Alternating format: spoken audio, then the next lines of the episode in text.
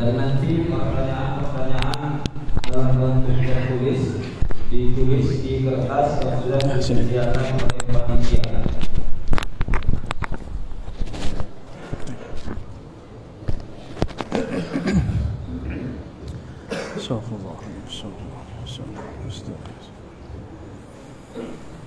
السلام عليكم ورحمة الله وبركاته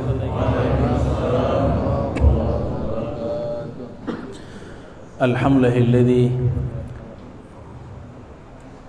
هدانا لهذا وما كنا لنهتدي لولا أن هدانا الله.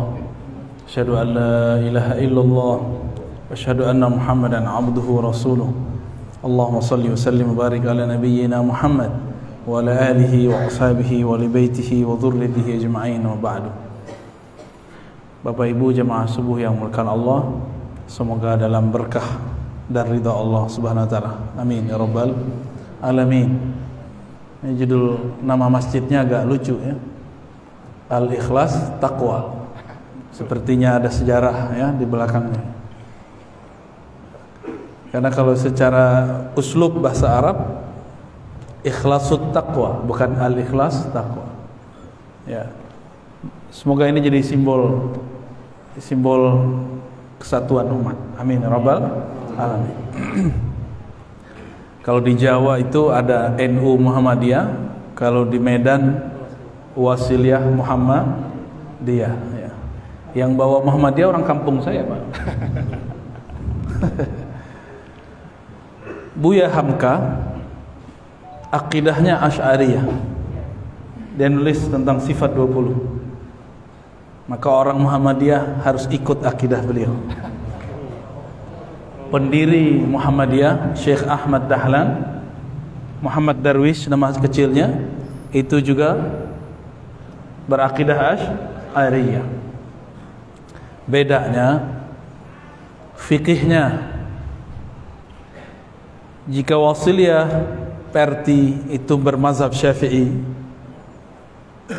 kalau Muhammadiyah tidak anti mazhab tapi tidak terikat mazhab. Ini tolong dibedakan. Ya. Kalau ada orang Muhammadiyah anti mazhab dipecat dari Muhammadiyah. Kenapa? Karena tidak ada namanya ajaran Muhammadiyah itu mengarah kepada membatalkan mazhab. Cuma tidak terikat mazhab. Itu aja bedanya. Kenapa kan begitu? Waktu Syekh Ahmad Dahlan berdakwah di Jogja, Jogja itu kampung orang-orang istana, keraton, bukan kampung santri. Maka tidak mungkin beliau mengatakan kepada umat dalam kitab I'anatul Talibin, dalam kitab Tuhfa, dalam kitab Minhaj, tidak mungkin. Orang nanya, Pak Kiai, dalilnya mana maka Pak Kiai langsung carikan ayatnya langsung carikan hadisnya pola ini kemudian membentuk apa yang kita sebut sekarang Majelis Tarjih Muhammad Muhammadiyah saya anggota juga Pak di Tangerang Selatan dulu dulu beberapa kegiatannya saya ikut dan saya ngajar dulu ada teman-teman saya para asatis di Muhammadiyah saya ngajar Sahih Muslim di situ tapi belakangan saya kemudian tidak aktif lagi. Ya, tidak aktif lagi karena memilih tidak berbendera. Cukup bendera saya ahlu sunnah wal jamaah. Ya. Apalagi yang unik, Buya Hamka dan ayahnya, begitu juga pendiri Muhammadiyah, mereka sebenarnya bertasawuf. Muhammad Darwis alias Syekh Ahmad Dahlan itu sebelum ke Makkah belajar kepada Syekh Saleh Darat. Syekh Saleh Darat ini mensyarah kitab hikam dalam bahasa Jawa. Tahu mensyarah, mengurai. Jadi Syekh Ahmad Dahlan bisa bangun Muhammadiyah itu karena karena beliau pernah belajar ketulusan. Maka beliau mengatakan jangan hidup dari Muhammadiyah tapi hidupkanlah Muhammadiyah itu kalau orang nggak bertasawuf nggak ngerti itu itu basicnya adalah al ikhlas kalau nggak nggak nyampe banyak orang yang dompleng satu pergerakan karena ingin hidup di situ. Sedangkan pendirinya mengatakan jangan hidup dari sini, tapi hidupkan. Kenapa?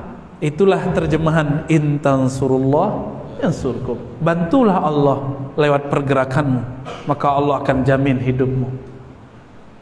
Jangan mencari jaminan hidup. Ini perbedaan pergerakan mereka karena basic mereka sufi. Maka dulu Buya Hamka rutin menulis di Panjimas dulu ya tentang tasawuf. Saya lirik-lirik lama itu. Ternyata tasawuf beliau tasawuf Imam Ghazali. Tasawuf Imam ternyata awal beliau pindah ke Jakarta, beliau ngajar di Tanah Abang. Ngajar pakai kitab Ihya Ulumuddin. Maka kita berharap nanti dari tokoh-tokoh Muhammadiyah mulai juga mengkaji kitab Ihya Ulumuddin ya. Oh di situ hadis dhaif. Ayo kita uji hadis dhaifnya di mana? Ya. Jangan-jangan antum cuma dengar dari orang hadis dhaif, hadis dhaif. Baca dulu, hitung dulu hadisnya berapa di sana. Kalau cuma karena ada hadis dhaif di satu kitab lalu kita buang kitabnya, maka akan banyak kitab-kitab hadis kita buang. Imam Al-Bukhari punya kitab Al-Adab Al-Mufrad, ada hadis dhaif di dalamnya. Imam Muslim punya kitab yang lain Al-Wahdan dalam ilmu hadis. Imam Tirmizi mengatakan semua yang di dalam kitabnya Sunan Tirmizi itu boleh dipakai. Ma'mulun bih kecuali dua hadis. Padahal itu hadis yang semuanya ada yang sahih, hasan, dhaif. Tapi kata dia ini boleh diamalkan. Ma'mulun bih. Kecuali dua hadis dua hadis kita teliti ternyata hadis dhaif apa sahih secara sanad tapi tidak sahih secara fiqih ya karena kita lagi nggak bahas ilmu hadis kita bahas tasawuf aja Buya Hamka lahir dari keturunan mursyid mursyid tariqah ternyata ayah beliau Haji Rasul Syekh Abdul Karim mursyid tiga tariqah. Ini diteliti oleh salah satu sahabat kita lagi rehlah di Pekanbaru. Nah, Angku Muda Khalis, Apria Putra, peneliti manuskrip. Dia mendapatkan manuskrip di Maninjau, tulisan daripada Haji Rasul. Ternyata beliau punya murid-murid tarekat Naqsyabandiyah dan mursyid-mursyid yang diangkat sama dia. Dari siapa beliau ngambil? Dari ayahnya Syekh Amrullah. Syekh Amrullah ini teman Syekh Ahmad Khatib Al-Minang Kabawi. Temenan mereka. Syekh Amrullah ini memegang kemursidan Tariqah Naqsyabandiyah, Khalawatiyah dan Ba'lawiyah. Dari situlah lahir pergerakan Muhammadiyah awal di Padang Panjang di Maninjau. Dari orang-orang yang dulu bertasawuf. Tapi fikihnya berbeda. Gak usah jauh-jauh ke negeri kita. Bahkan di tanah Arab sana yang sudah pernah ke Mesir kayak Ustadz Tahir ini orang mazhab maliki mursyid. Kalau bismillah tidak dijaharkan subuh tidak kunut. Cuma Muhammadiyah bukan maliki juga kan? Muhammadiyah itu nggak tahu ini mazhab sendiri apa apa nih. Nanti konfirmasi ke beliau ya. Kita pergi ke Irak jika mereka tidak syafi'iyah mursyidnya tidak berkunut mursyidnya tidak menjaharkan basmalah. Dia baca basmalah tapi tidak dijaharkan. Maka teman-teman jangan salah faham. Tidak ada keharusan seorang bertarikat sufi kunut nggak wajib. Ya? Tidak mesti orang bertarikat itu bismillahnya dijaharkan. Itu nggak ada nggak ada urusannya. Ini urusan fikih urusan apa? Fikih benar betul. Waktu antum ke Mesir ada mursyid tarekat bismillah tidak dijaharkan. Benar kan?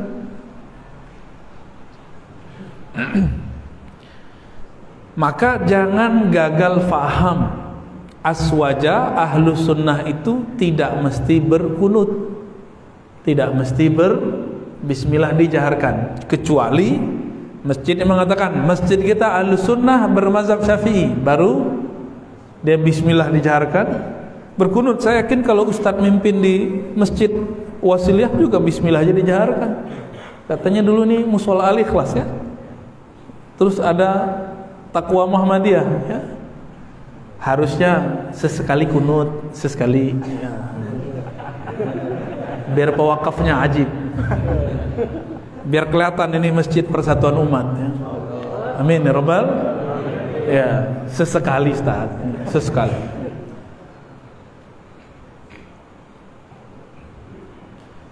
antara fikih dan tasawuf ini dua hal yang berbeda. Namun sebenarnya ini berkaitan.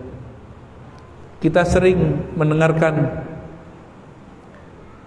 segala puji bagi Allah yang memberikan kita nikmat Islam, iman. Ya, benar. Tapi jarang yang membahas nikmat eh nikmat ihsan itu nikmat bertasawuf. Itulah yang disebut oleh Buya Hamka tasawuf modern. Kumpulan dari tulisannya di Panjimas hasil bacaannya terhadap kitab Ihya Ulumuddin. Ihya Ulumuddin ditulis oleh Imam Abu Hamid Al-Ghazali wafat tahun 505 Hijriah. Beliau berguru kepada Abu Ali Al-Farmadi nama Abu Ali Al-Farmadi tertulis dalam silsilah orang bersuluk. Saya lihat di sekitar Medan ini banyak sekali surau suluk. Arah sana ada surau suluk arah sana banyak sekali. Sampai-sampai ada namanya Bandar Khalifah ya. Kalau di Riau ada negeri seribu suluk di sini Bandar Khalifah. Ini tiap gang ada Khalifah Toriko. Ini produsennya Khalifah ya Khalifah di sini bukan Khalifah Ataturk apa Khalifah Utsmania bukan ya. Khalifah berarti pengganti guru mursyid. Maka dalam hal ini sebenarnya antara orang-orang yang sekarang menyebut dirinya Muhammadiyah dengan orang-orang yang menyebut dirinya Naqsyabandiyah itu ada hubungan spesial dalam keilmuan tasawuf. Bedakan ilmu tasawuf dengan bertasawufnya. Udah habis dia nih. Oh, bisa lagi ya. Kayaknya kalau kita sebut tasawuf dia langsung mati ya.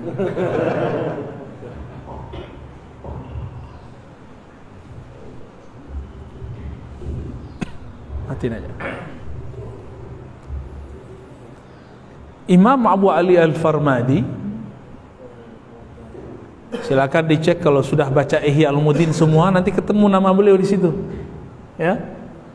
Itu orang yang disebut dalam silsilah Tariqah An-Naqsyabandiyah Zikirnya Ismul Jalalah Menyebut nama Allah, Allah, Allah Di kolbunya Itulah amalan dari ayahnya Buya Hamka Yang bawa Muhammadiyah ke ke Sumatera Barat Murid-murid beliau lah yang datang ke sini Ke Medan Murid beliau datang ke mana-mana Itu yang menyebarkan Muhammadiyah Sampai ke Singapura dulu Murid-murid dari Haji Rasul Mendirikan Muhammad Muhammadiyah Lalu perbedaan apa yang yang kemudian banyak umat gagal faham? Orang mengira kalau bertasawuf itu mesti yasinan. Kalau haji Rasul bertarekat dengan yasinan itu beda. Yasinan bab fikih. Karena dia punya guru namanya Syekh Bakri Syata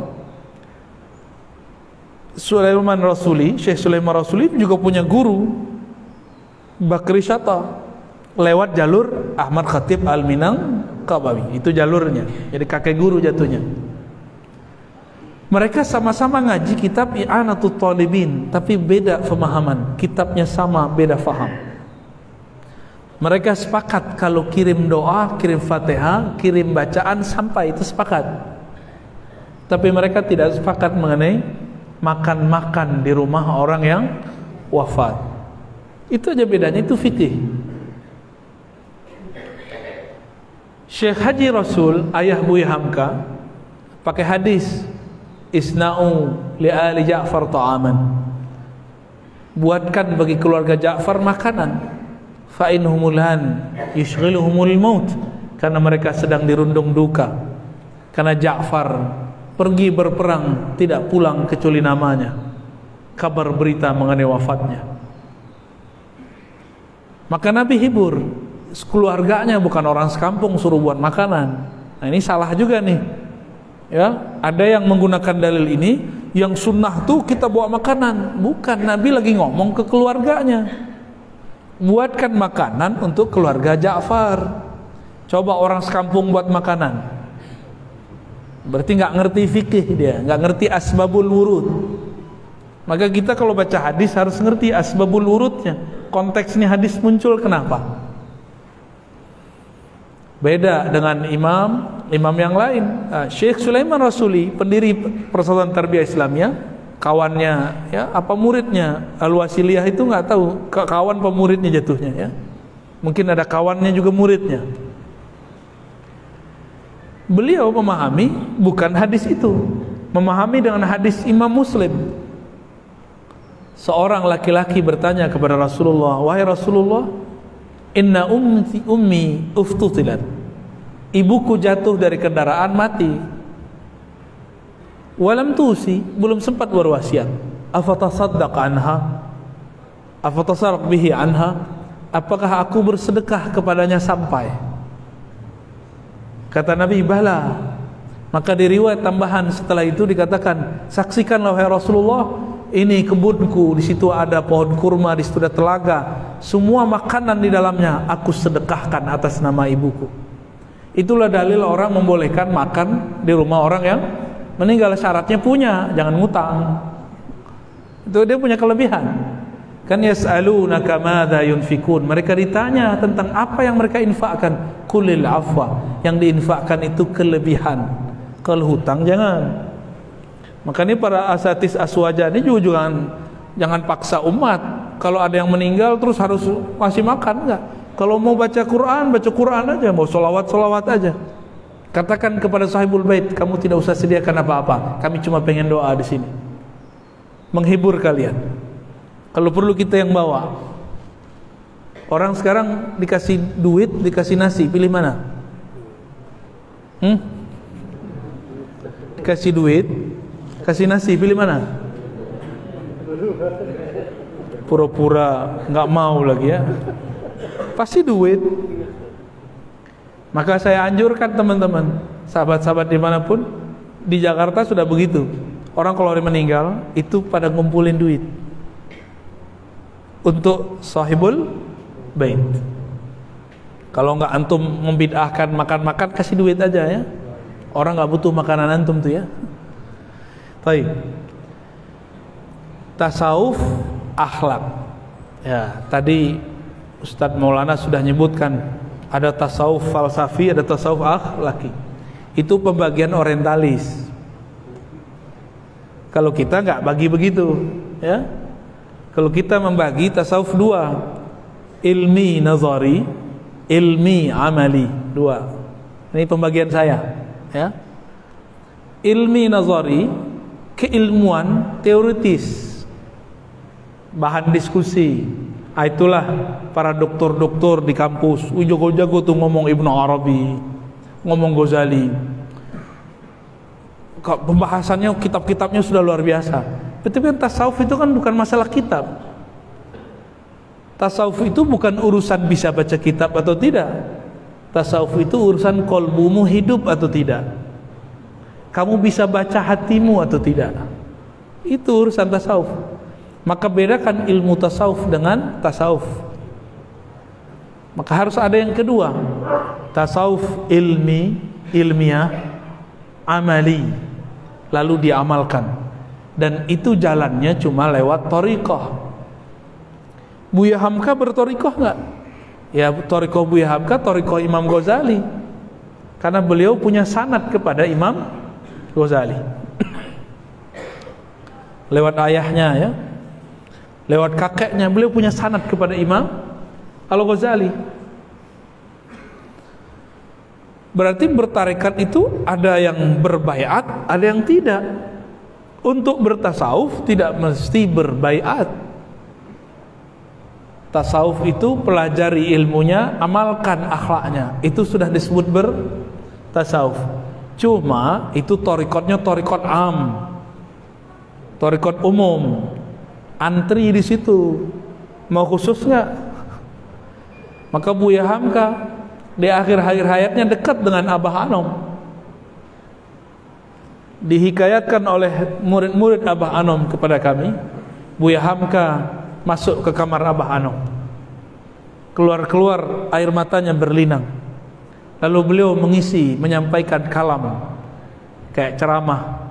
Salah satu kalam beliau tidaklah hamka kecuali hampa. Jadi beliau menghampakan dirinya ketika bertemu Abah anu? Basic beliau. Nah dalam buku beliau judulnya ayahku belum menceritakan tentang di dalam darah saya ada dua darah. Ada darah padri ada darah sufi.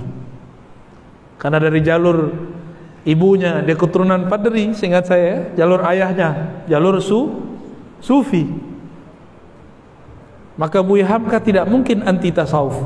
Maka siapa pun cinta Buya Hamka Muhammadiyah kah dia Nahdiyah kah Wasiliyah kah ataupun bukan tidak mungkin anti bertasawuf. Sepakat tak? jadi kalau ada orang anti tasawuf musuhin Buya Hamka. Ya. Kalau ada orang anti tasawuf berarti memusuhi pendiri Muhammadiyah. Syekh Ahmad Dahlan dan yang paling lucu ada orang wasiliyah anti torekot ya wasilah PA ya. Mana ada wasilah begitu? Wasilah ya bertoriko. Seperti NU juga ber bertoriko. Bedanya torikohnya dizahirkan. Kalau Muhammadiyah torikohnya disembunyikan, dijadikan azas-azas. Itu aja beda-bedanya ya. Kalau torikohnya wasuliyah bersuluk bertorikoh dengan torikoh tertentu Sedangkan Muhammadiyah torikohnya torikoh pergerakan. Yang satu membangun jiwa, yang satu membangun raga. Maka ada nggak rumah sakit Al Wasiliyah? Yang ada rumah sakit, tapi ada nggak rumah suluk dibuat orang Muhammadiyah? Yang ada ya masyaikh masyaikh Wasiliyah yang punya. Jadi seharusnya mereka ini saling menguatkan, bukan saling menyalahkan. Nah itu akhlak juga. Sampai jam berapa tak? Setengah tujuh lima menit. Eh, Oke, okay, sepuluh menit lagi ya. Masih ingat kajian saya tentang Islam iman ihsan? Ya. Nabi ditanya oleh Sayyidina Jibril apa itu Islam, apa itu iman, apa itu ih, ihsan. Satu lagi akhir zaman.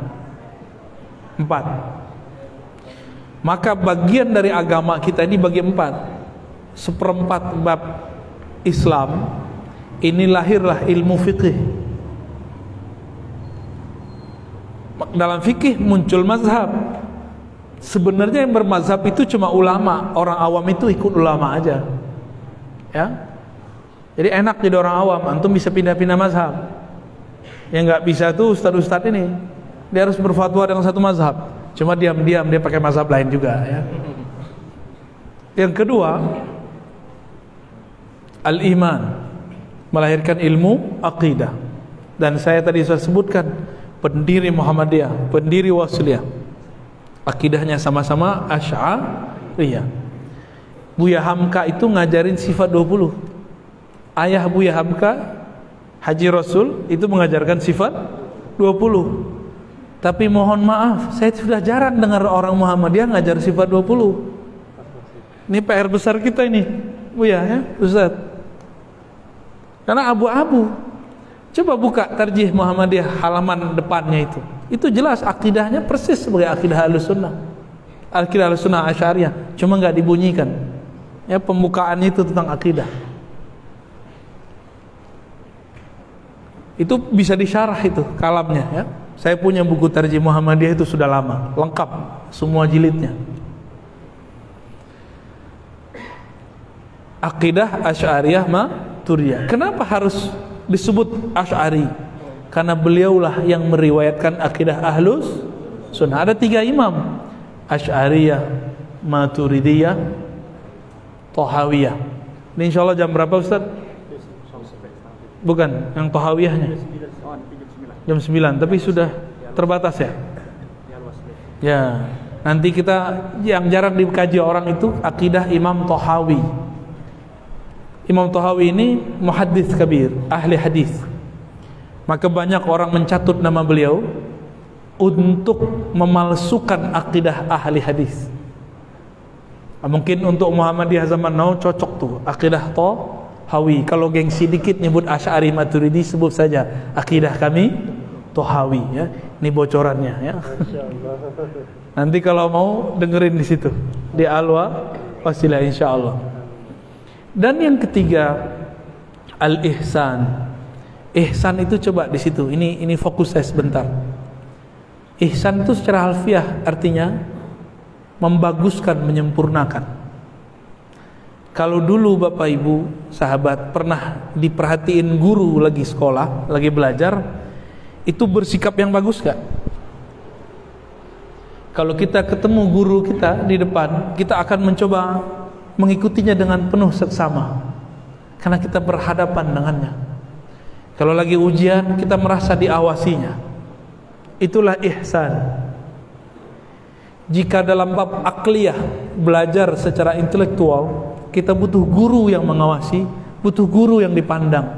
Kenapa dalam bab rohani kita menolak adanya guru? Gak usah ada guru, langsung aja kepada Allah. Antum berhenti sekolah kalau gitu ya. Semuanya jangan sekolah, karena sekolah itu intinya berguru. Maka ihsan itu jika belum merasa dipandang oleh Allah, maka rasakanlah dipandang oleh guru. Jika hadir rasa itu baru kita bisa merasa memandang guru. Disebut namanya rabitatul hub, ikatan cinta antara guru dan murid. Cinta ini bukan cinta syahwat. Ini cinta nur, cinta cahaya di dalam kolbu. Yang membuat seorang murid mendoakan gurunya setiap saat. Imam Ahmad bin Hambal Hanbali mengatakan munzu arba'ina sana. Semenjak 40 tahun yang lalu aku selalu mengirimkan doa di dalam doaku untuk imamku guruku Asy-Syafi'i. Jadi selevel Imam Ahmad itu berguru. Selevel Ghazali berguru. Antum bukan Imam Ahmad bukan Imam Ghazali. Terus bilang gak usah berguru bermusyid.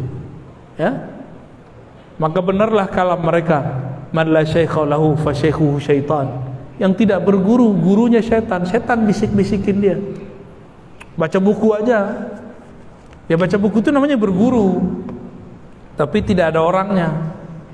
Kalau baca buku bisa salah paham nggak? Bisa nanya ke buku nggak? Bisa nggak nanya ke buku? Ya bisa. Buku nggak bisa jawab. Tapi kalau ada guru yang hidup kita bisa mendengar jawabannya maka di situlah muncul dari tasawuf itu metode-metode. Metode itu kemudian disebut torikoh. Kurikulum torikoh ini ada yang bernama kurikulum yang dirumuskan Imam Bahauddin Syah Naqsyaband. Bernama Naqsyabandiyah. Ada yang kurikulum disusun oleh Syekh Abdul Qadir Jilani, maka disebut Qadiriyah. Ini kurikulum menerjemahkan Quran bukan buatan imam dia cuma menyusun dari Quran Sunnah zikir apa yang cocok untuk murid. Jadi tarikat itu bukan buatan imam, tapi disusun oleh imam dari dalil-dalil yang sahih menurut beliau. Kurikulum sama, mursyidnya beda. Sama-sama rumah makan Padang, rasanya beda nggak? Sama-sama rendang rasanya beda. Yang beda siapanya? Yang masaknya yang masak itulah mursyid. Jadi jika ada rumah makan gak enak jangan salahkan rumah makannya. Tapi salahkan? Ya. Siapa namanya? Cep. Cecep cecep orang Sunda. Oke? Maka saya mengimbau mari cari guru. Jangan berhenti berguru. Selevel ulama besar berguru, apalagi kita. Dan terakhir bab akhir zaman kita bahas di lain waktu. Insya, insya Allah. Mari sempurnakan agama dengan empat pilar ini: Islam, iman, ihsan, akhir zaman. Wallahu taala alam.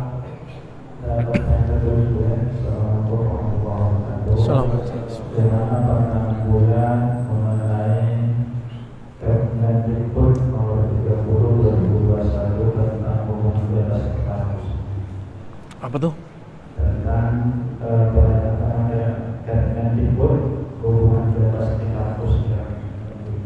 Hubungan bebas tuh apa tuh? Ah, itu tanya ke Pak dosen aja ya. Saya dosen swasta. Dan tidak ada urusan dengan menteri apa? Kebudayaan ya. Udah urusan mereka lah. Ya, mungkin saya saya nggak pakar jawab itu. Nanti jawab Pak dosen nih. Ini Pak dosen semua ini. Ini ya, kapan kita merasa bahwa kita sudah boleh pindah koridor lain karena ada yang berkoridor lebih dari satu jenis koridor. Boleh nggak doktornya lebih dari satu? Boleh, selesai dulu doktornya. Jangan ngaku dokter tiga kalau wisudanya cuma sekali. Ini kawan ngomong, torikot saya banyak. Cuma dia di wisudanya cuma sekali. Paham maksudnya? Eh sebenarnya orang tuh bertoriko bertoriko itu cuma ngikut-ngikut aja. Yang disebut torikoh kita, yang kita pakai tiap hari, yang kita amalkan. Torikoh itu cuma metode tujuannya ya ayyuhallazina amanu zkurullaha zikran katsiran. Surah Al-Ahzab ya. Wahai orang beriman, ingatlah Allah sebanyak-banyaknya. Metodenya boleh berubah. Dulu Syekh Ahmad Dahlan torikohnya Syaziliyah. Syekh Sulaiman Rasuli itu torikohnya Naqsyabandiyah. Kalau di Madura sana ada namanya Maulana Syekhana Khalil, torikohnya banyak. Ada Syaziliyah, ada Qadiriyah, ada Ba'lawiyah. Buya Hamka punya ayah torikotnya tiga. Khalwatiyah, Ba'lawiyah, Naqsyabandiyah. Boleh-boleh aja. Ya. Atau orang S1-nya apa, S2-nya apa, S3-nya apa. Kayak Dr. Tohir ini ada Doktor LC M apa PA? MA. Tuh kan ajib tuh. Tiga dia, ya. Mandailing asli. MA itu Mandailing asli. Kirain Mahkamah Agung. ya, jadi boleh bertorikot banyak, cuma bereskan. Jangan ngaku banyak torikoh kalau kurikulumnya belum terlaksana. Ya, Wallahu a'lam bishawab. Itu terakhir yang Bapak ya, karena setelah itu tidak ada Mungkin ada kata rahasia apa hukum ada murid nabi Orang Muhammadiyah biasa buat bedah buku 70 tahun Buya Hamka yaitu maulid versi Buya Hamka dibuat oleh orang Muhammadiyah haul. Kalau orang Wasiliyah sama NU haul itu pakai bahasa Arab haul. Ya haul itu kan satu tahun sanah wahidah sanah kamilah. Maulid Nabi itu tidak hanya haul ulama tapi haul sumbernya ulama peringatan bedah buku sayyidnya para ulama Sayyidina Nabi sallallahu alaihi wasallam. Ya dulu 2000 berapa saya? 2014 umroh itu Sayyidina nggak ada orang baca lagi khutbah. Pas kita umroh tahun berikutnya sudah ada perubahan ada rotasi-rotasi. Khotibnya kalau baca khutbah itu kencang Sayyidina nya Allahumma sholli ala Sayyidina Muhammad. Tapi dia bukan orang wasilah loh ya Sayyidinanya tambah kencang Bapak Ibu yang makan Allah, maulid itu jangan dilihat namanya, lihat aktivitasnya. Gak ada di zaman Rasul. Ya di zaman Rasul emang ada NU Muhammadiyah Wasiliyah. Emang zaman Rasul ada Salafiyah. Emang dari zaman Rasul ada Sufiyah.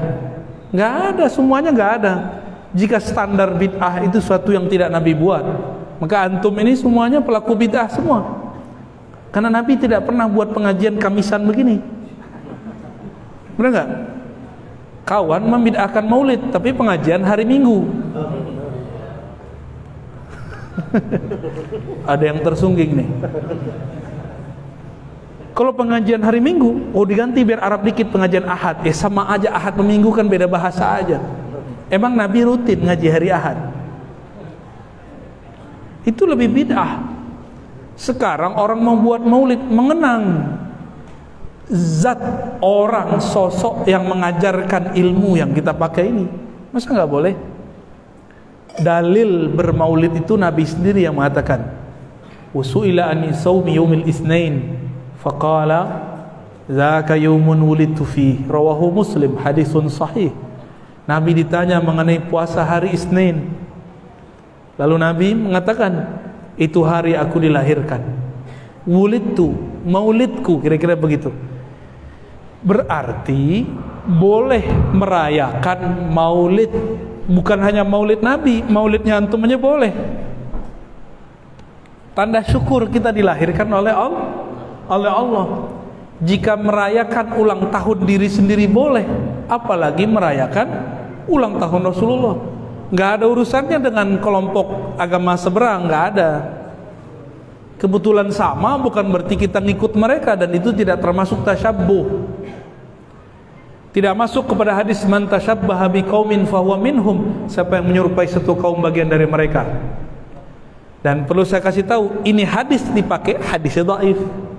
Siapa yang menyerupai suatu kaum bagian dari mereka hadis dhaif. Cuma Imam Abu Daud sakata anhu mendiamkan hadisnya maka boleh dipakai. Ulama menjelaskan tasyabbuh fil aqidah wal ibadah wal akhlak. Tasyabbuh itu dalam aqidah, ibadah dan akhlak. Orang maulid ngapain? Salawat. Ada orang agama sebelah salawat. Orang maulid baca kitab Barzanji. Emang orang agama sebelah baca Barzanji? Kan enggak. Apalagi orang maulid ngapain? Makan-makan. Emang ada orang sana makan kebuli habis maulidan? Bid'ah semua ya. Jadi teman-teman jangan asal ngambil satu kitab. Ini kan yang ngomong Syekh Saleh Fauzan ijtihad dia keliru dia mengatakan maulid sama dengan tasyabuh bil bin nasara menyerupai nasrani sedangkan yang pertama buat maulid dalam sejarah umat Islam secara besar-besaran itu Sultan Al-Muzaffar Imam Ahli Sunnah pemimpin yang adil yang berjihad melawan kelompok-kelompok ahli bidah bukan syiah ya itu beda referensi kita berarti ya kenapa dia memaksakan referensi dia nggak boleh pakai referensi kita. Nah di situlah ketidakterbukaan pemahaman mereka. Bapak saudara yang makan Allah, demikian kajian kita pada pagi ini. Kesimpulannya sederhana, orang bertasawuf itu sumbernya ihsan. Ihsan itu merasa memandang Allah atau dipandang oleh Allah. Maka di situlah muncul akhlak yang sempurna. Semoga rasa ihsan ini muncul dalam diri kita. Amin rabbal alamin. Assalamualaikum warahmatullahi wabarakatuh.